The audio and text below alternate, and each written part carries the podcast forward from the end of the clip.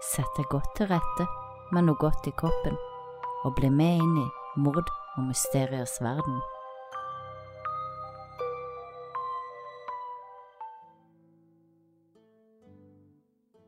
Nekrofili er en sjelden seksuell tilbøyelighet da man føler seg tiltrukket av døde mennesker. Det debatteres ennå mange steder om det er en medfødt seksuell legning på lik linje med andre legninger, eller om det er utløst av traumer og psykisk sykdom. Å ha sex med døde mennesker er for det store flertallet helt uhørt, og bare tanken gjør de fleste uvel. Nekrofili blir ofte forbundet med vampyrer, mørke mord og mystikk, og det finnes ingen statistikk over hvor mange som faktisk er nekrofile, og svært få vil snakke om at nekrofili eksisterer.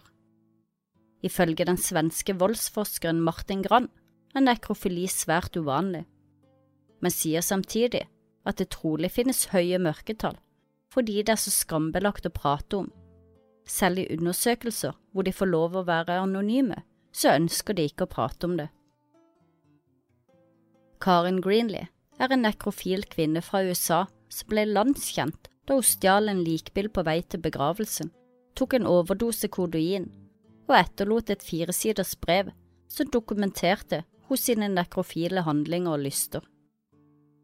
Karin Greenlee er en av få som har uttalt seg offentlig om sine lyster som nekrofil, og på den måten har gitt litt innblikk i deres verden.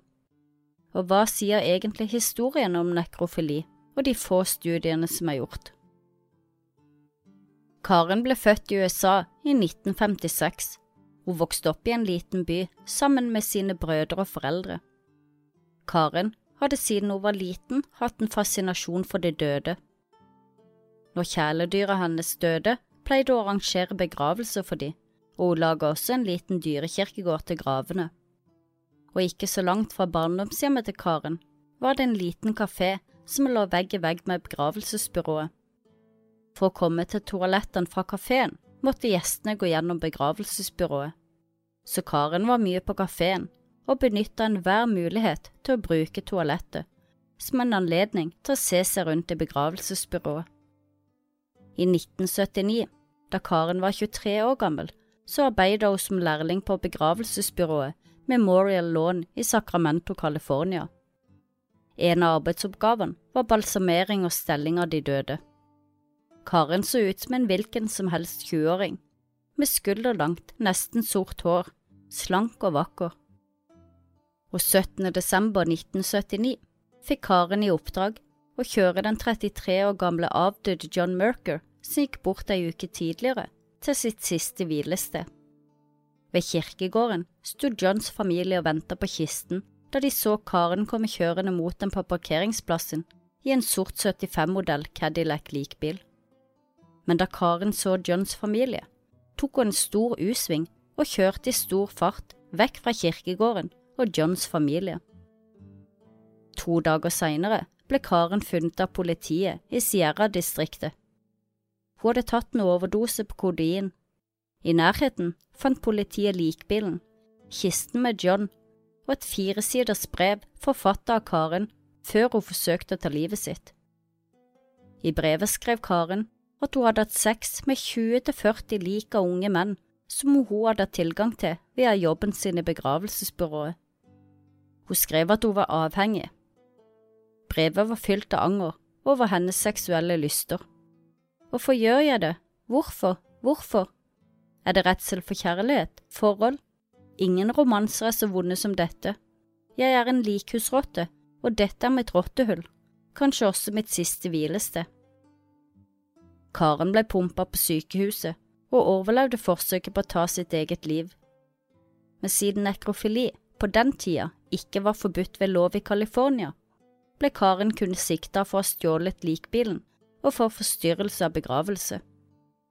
Karen sa seg skyldig i begge punktene og ble dømt til elleve dager i fengsel, en bot på 255 dollar, ble pålagt å gå i terapi og fikk en prøvetid på to år.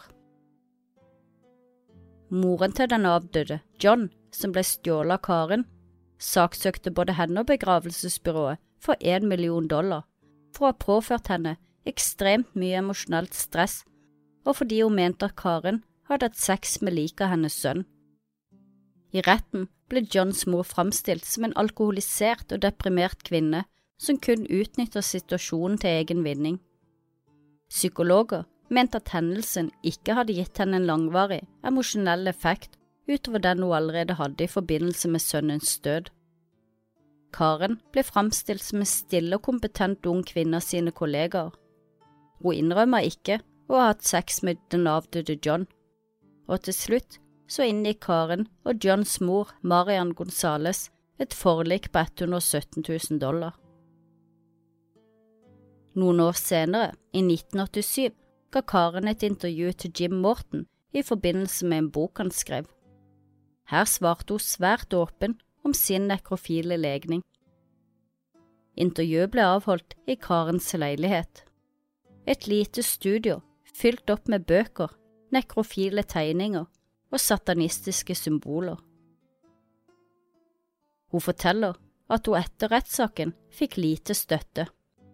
Mediene hadde mange artikler om henne hvor hun ble sammenlignet med Richard Trenton Chase, en mann som hadde drept seks mennesker i løpet av en måned, drukket blodet deres og spist ofrene. Dette på tross av at Karen aldri hadde drept noen. Folk hatet henne, og selv hennes nærmeste hadde vansker med å akseptere Karen da de fikk vite om hennes legning. En av brødrene hadde nekta å ha noe mer med henne å gjøre i starten. Han sa han heller ville huske henne som hun var, før dette ble kjent. Senere hadde han bedt om unnskyldning for hva han hadde sagt, men han var fremdeles veldig ukomfortabel rundt henne. Hennes andre bror hadde vært litt mer støttende, men også han hadde problemer med å forstå hvorfor Karen gjorde det hun gjorde, og likte det hun likte. Før hun ble arrestert, hadde Karen hatt en kjæreste som oppdaga at hun likte døde mennesker.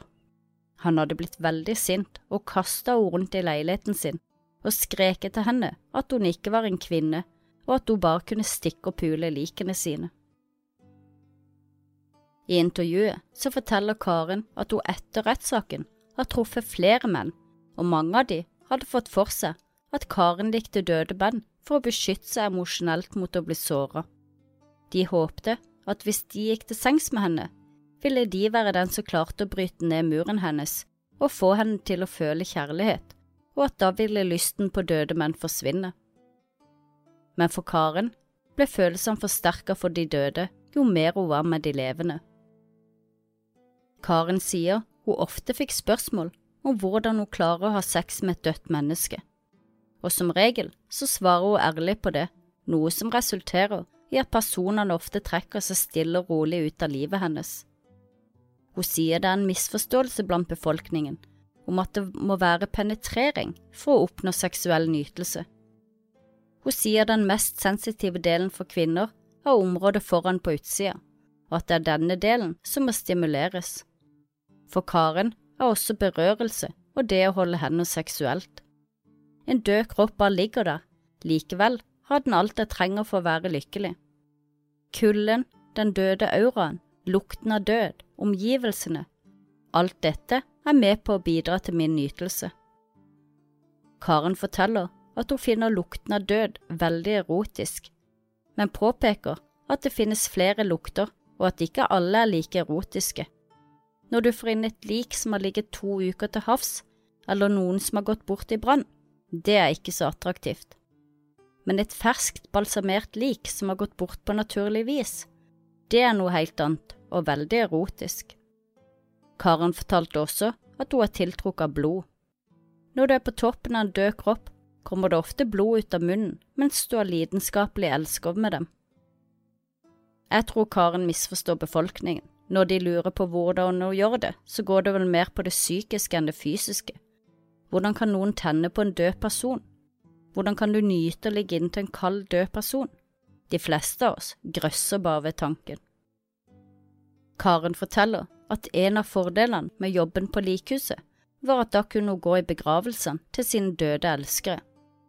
Ofte kjørte hun sammen med familien og den avdøde fra begravelsesbyrået til kirka, og så sto hun sammen med de og sørga. Karen sa at folk hører ikke forskjell på om du stønner av lidenskap eller sorg i en slik setting. Hun forteller at det er tilfeller hvor familiemedlemmer av den avdøde har lagt armen rundt henne og sagt at de var glad hun kunne komme. Da har hun latt som om hun kjente den avdøde fra skoletiden. Noen ganger ble hun også tatt for å være den avdødes hemmelige kjæreste når de så en fremmed ung jente sørge over ham. På en måte hadde de jo rett, de visste bare ikke på hvilken måte. Karen sier hun savner å arbeide i begravelsesbyrå.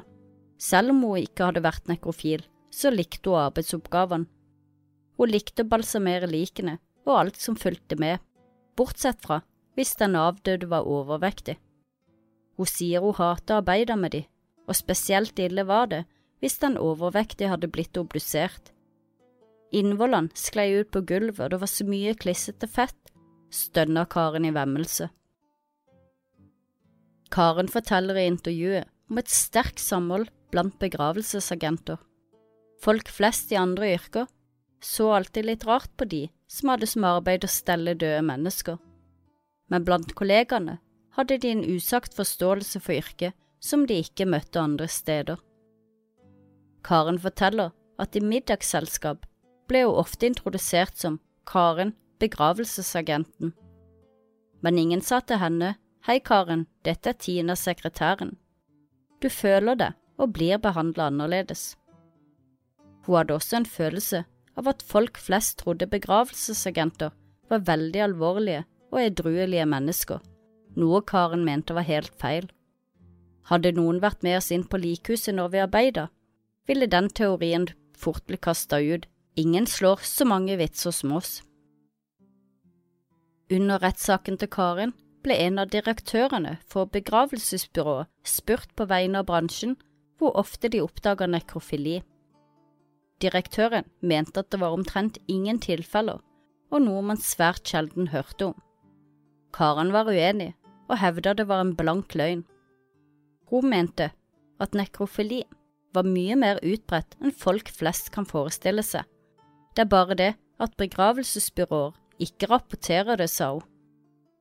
Karen forteller at hun en gang brøt seg inn på likhuset og ble tatt på fersk gjerning mens hun hadde sex med en av de avdøde men at de som arbeider der, lot henne slippe unna. Og på et av begravelsesbyråene hvor hun hadde jobba, hadde en av kollegaene sagt til henne, noen har plukka på liket, det ser ut som om noen har forsøkt å ha sex med det. Karen hadde svart med overraska stemme, herregud, er det sant? Karen tror de skjønte at det var henne, og nå vet de det i hvert fall.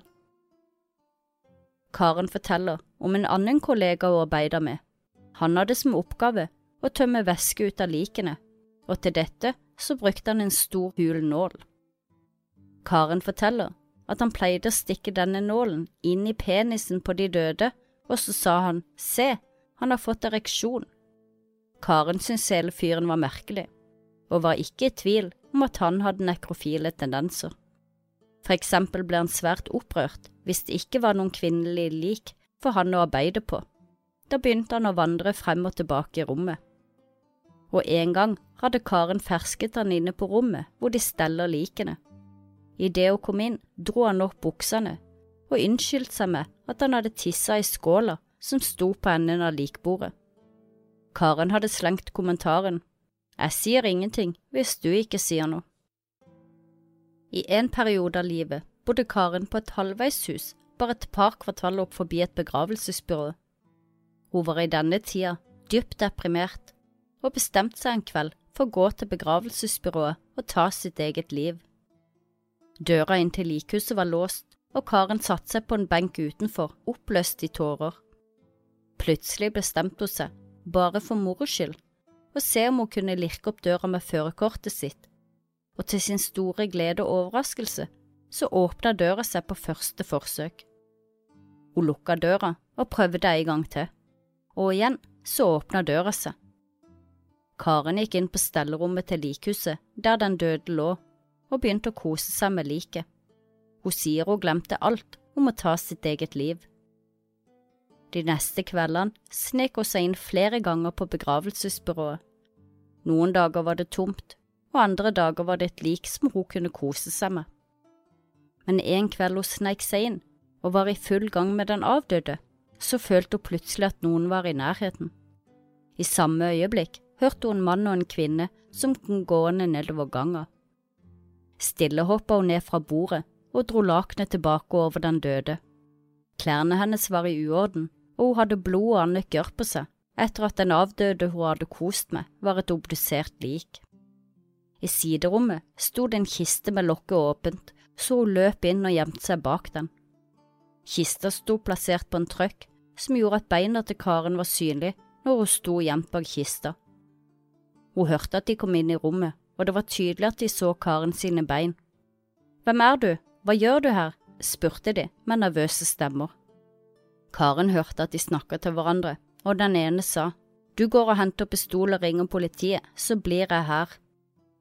Karen visste at hun nå bare hadde én sjanse til å komme seg unna, så hun hoppa fram og løp alt hun kunne ut av rommet. Heldigvis for henne så kjente hun bygningen så godt etter alle innbruddene at hun visste akkurat hvor hun skulle løpe for å komme seg ut. Ned den lange ganga, ut av bygningen og gjennom kirkegården. Det var nære på, men hun kom seg unna. Karen hadde en bekjent som arbeidet på det samme begravelsesbyrået hvor hun hadde brytt seg inn. Han hadde sagt til henne, noen brøt seg inn på byrået vårt, og de vet at det var deg. Etter at Karen nesten ble tatt, hadde byrået satt inn en alarm for å hindre at slikt skjedde igjen. Hun var usikker på om de hadde ringt politiet den kvelden. Sjøl hadde hun aldri blitt henta inn eller avhørt, og hun mistenker at byrået ikke ønska å gjøre noe med det av frykt for dårlig omdømme.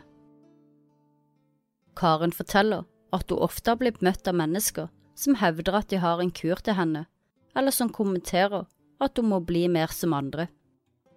Dette fikk Karen til å føle seg unormal, og hun spurte seg selv mange ganger hvorfor hun ikke bare kunne være normal. Hun sier hun gikk gjennom et personlig helvete før hun endelig klarte å akseptere seg selv og sin legning. Det er bare sånn jeg er, det ligger i min natur, og da kan jeg like godt bare omfavne det og kose meg. Å forsøke å være noe jeg ikke er, gjør meg bare ulykkelig, sa Karen i intervjuet. Hun fortalte at jo mer terapi hun hadde fått, jo bedre forsto hun seg selv og sin legning, og det var dette som gjorde at hun til slutt klarte å akseptere den hun var, istedenfor å leve etter andres standarder. Først da fikk hun fred med seg selv. Alle de som forsøkte å endre hvem jeg var, hjalp meg i stedet til å komme mer i kontakt med meg selv og mine følelser. Jeg pleide å gå fra terapien og rett til begravelsesbyrået. Hun avslutta med å si dere klarte ikke å redde meg. Karen mente bestemt at det er mange flere nekrofile mennesker enn det som er dokumentert. Hun sa at mange ikke våger å stå fram med noe slikt, men at de helt klart eksisterer.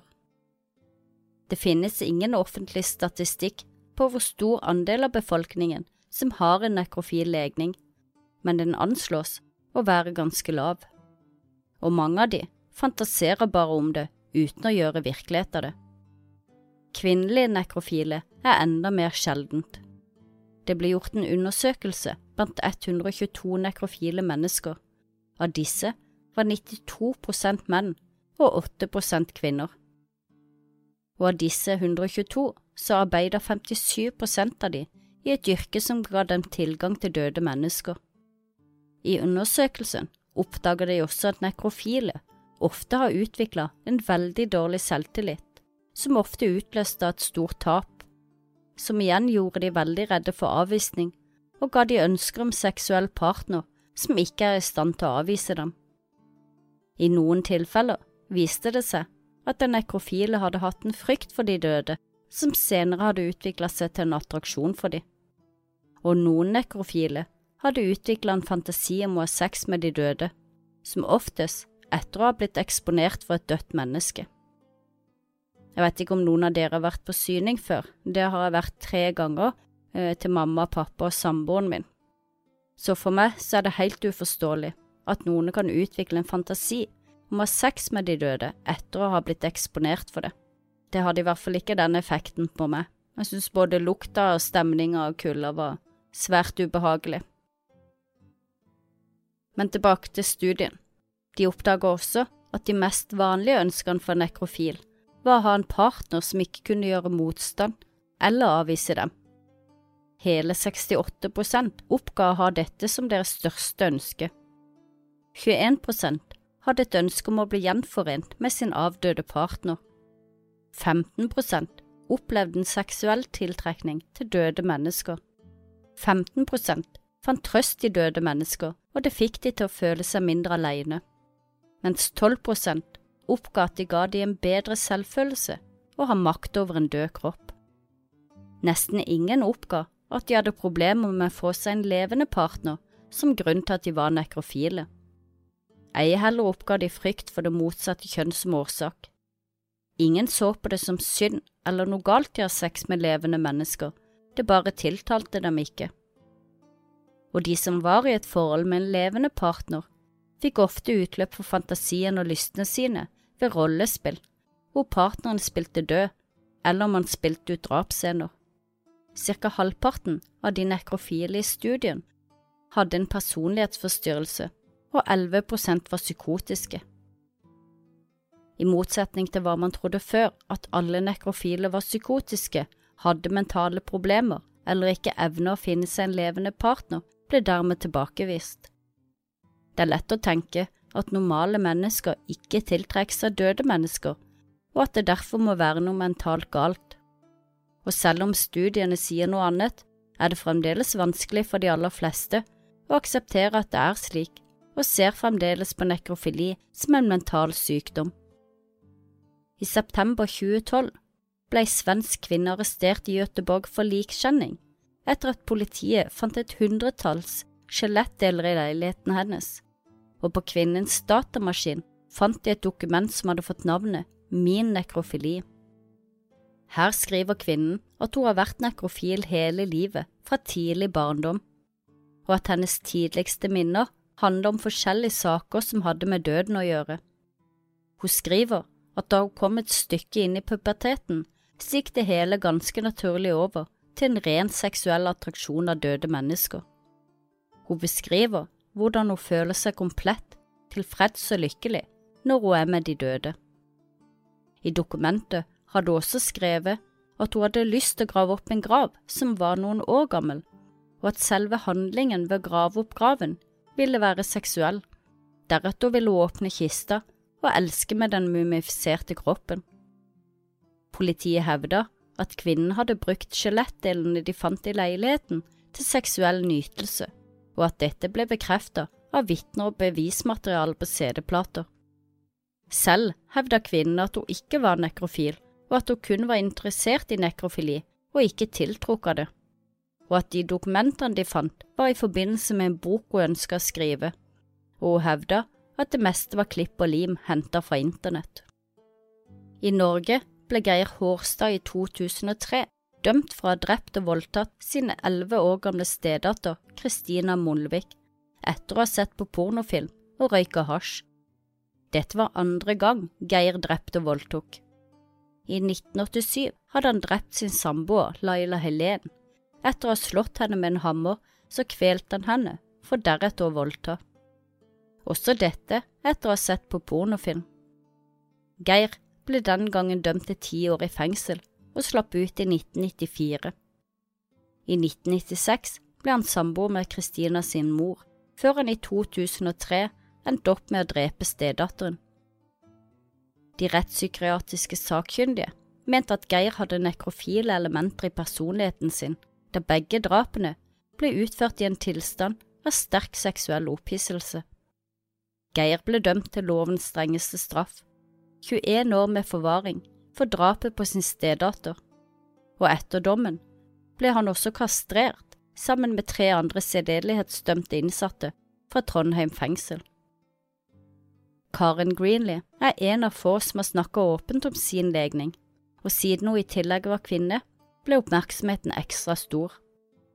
Blant nekrofile er kun én av ti kvinner, men historien viser at det har vært, og ennå er, mange nekrofile mennesker der ute, og flere av de er mye mer kjent enn Karen Greenlee, men ikke nødvendigvis for sin nekrofile legning.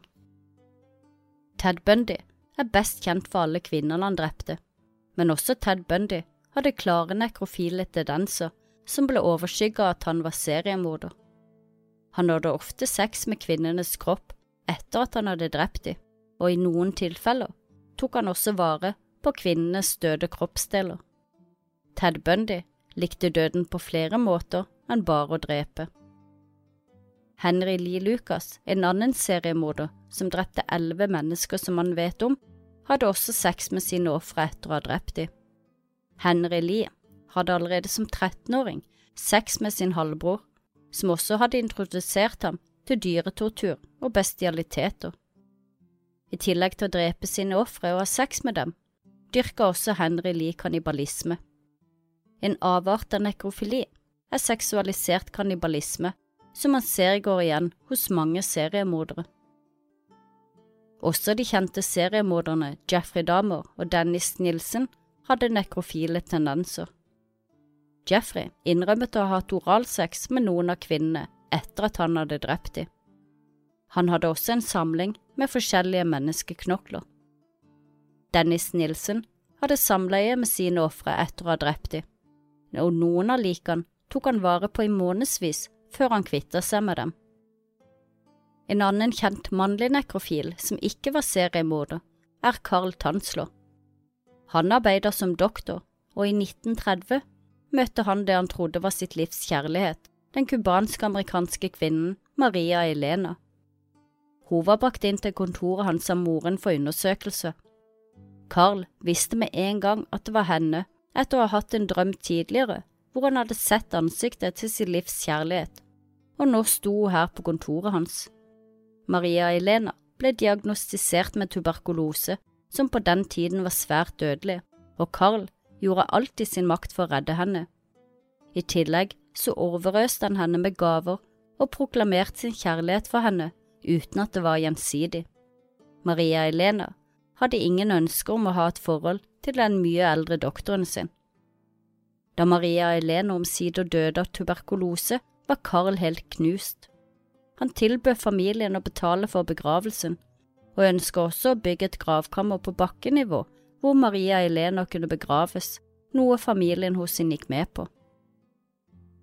Men en aprilkveld i 1933 tok Carl seg inn på kirkegården med bilen sin og henta Maria Elena sin døde kropp fra gravkammeret og tok henne med seg hjem. Vel hjemme brukte han kleshengere til å støtte opp Maria sin kropp. Øynene erstattet han med nye falske øyne. Han bestemte seg også for å fjerne den forråtna huden hennes og erstatte det med silketøy dyppa i voks og gips. Han laga også en parykk til henne av hos sitt eget hår som mora hadde gitt til Carl etter at hun døde. Kroppen fylte han opp med håndklær og kluter, og han spraya henne konstant med parfyme og andre produkter for å nøytralisere lukten av den døde kroppen. Det hevdes at Carl deretter hadde sex med den døde kroppen til Maria Elena på jevnlig basis de neste syv årene. Først i 1940 oppdaga Maria Elenas søster hva Carl hadde gjort, og Carl ble brakt inn til psykiatrisk undersøkelse, før han ble arrestert og siden sluppet fri. I dag hviler Maria Elena i en umerka grav på Ki Vest kirkegården. Men det er ikke bare mennesker som har vist seg å være nekrofile. Også i dyreverden har man sett flere arter som driver med nekrofili, blant annet pattedyr, fugler, frosker og reptiler. Og i dyreverden er det nesten utelukkende de hannkjønna dyrene som har sex med døde hokjønn. Pingviner har flere ganger blitt observert mens de har seg med en død pingvin. Og en sjøoter ble en gang observert idet han holdt ei oter under vann helt til hun drukna, for deretter å pare seg med liket. Den samme oteren ble også observert flere måneder senere. Da gjorde den akkurat det samme. Også sjøløver, duer, slanger og firfisler har blitt observert i elskov med døde arter. Tyder dette på at nekrofili blant mennesker er en reell legning og ikke en mental skade siden det forekommer i naturen? Tyder det på at nekrofili er noe man blir født med, og ikke noe man utvikler seg til? De aller fleste mener at det er en psykologisk årsak som ligger bak behovet og ønsket om å ha seg med et dødt menneske. Det finnes ingen kur for nekrofili, men det brukes samme terapiform som blir brukt på de menneskene som lider av parafili. Det er de som forelsker seg i objekter, som bygninger, broer og karuseller. I mange land var det lenge ingen lov mot nekrofili, på samme måte som det ikke var noen lov mot dyresex. I dag er heldigvis begge deler forbudt i mange land, og det trengs, for det er alltid de som ikke klarer å styre lystene sine, og som går fra fantasi til virkelighet, uten å tenke over eller bry seg om konsekvensene det påfører både ofre og pårørende. I de fleste land blir det sett på som likkjenning om man gjør noe som helst med et lik, seksuelt eller ikke, mens Storbritannia har nedfelt en egen lov som går på et konkret forbud mot å ha seksuell omgang med et lik. Nekrofili kommer nok aldri til å bli en sosialt akseptert legning, og jeg tviler på at de som er nekrofile, kommer til å stå fram eller kreve aksept for sine følelser. De aller fleste nekrofile forstår selv at de ikke er akseptert, og vet at de vil bli dømt og gjerne hata om de hadde sagt noe, og da blir det enklere å holde det for seg sjøl. Så det er ikke godt å si hvor mange som faktisk har slike fantasier, eller som lever ut sin legning, men jeg velger å tro at det ikke er så veldig mange av de. Det hører også med til historien at Karen Greenlee angrer sterkt på intervjuet hun ga til Jim Morton om sine nekrofile tanker, lyster og erfaringer, og i ettertid har hun bytta navn og utseende og flytta til et ukjent sted.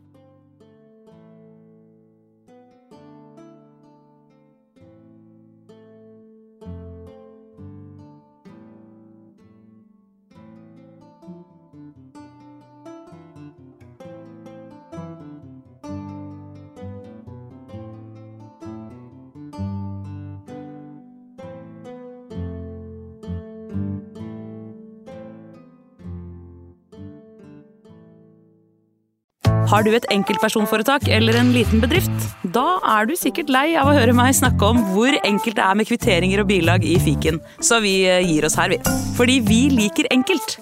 Fiken superenkelt regnskap.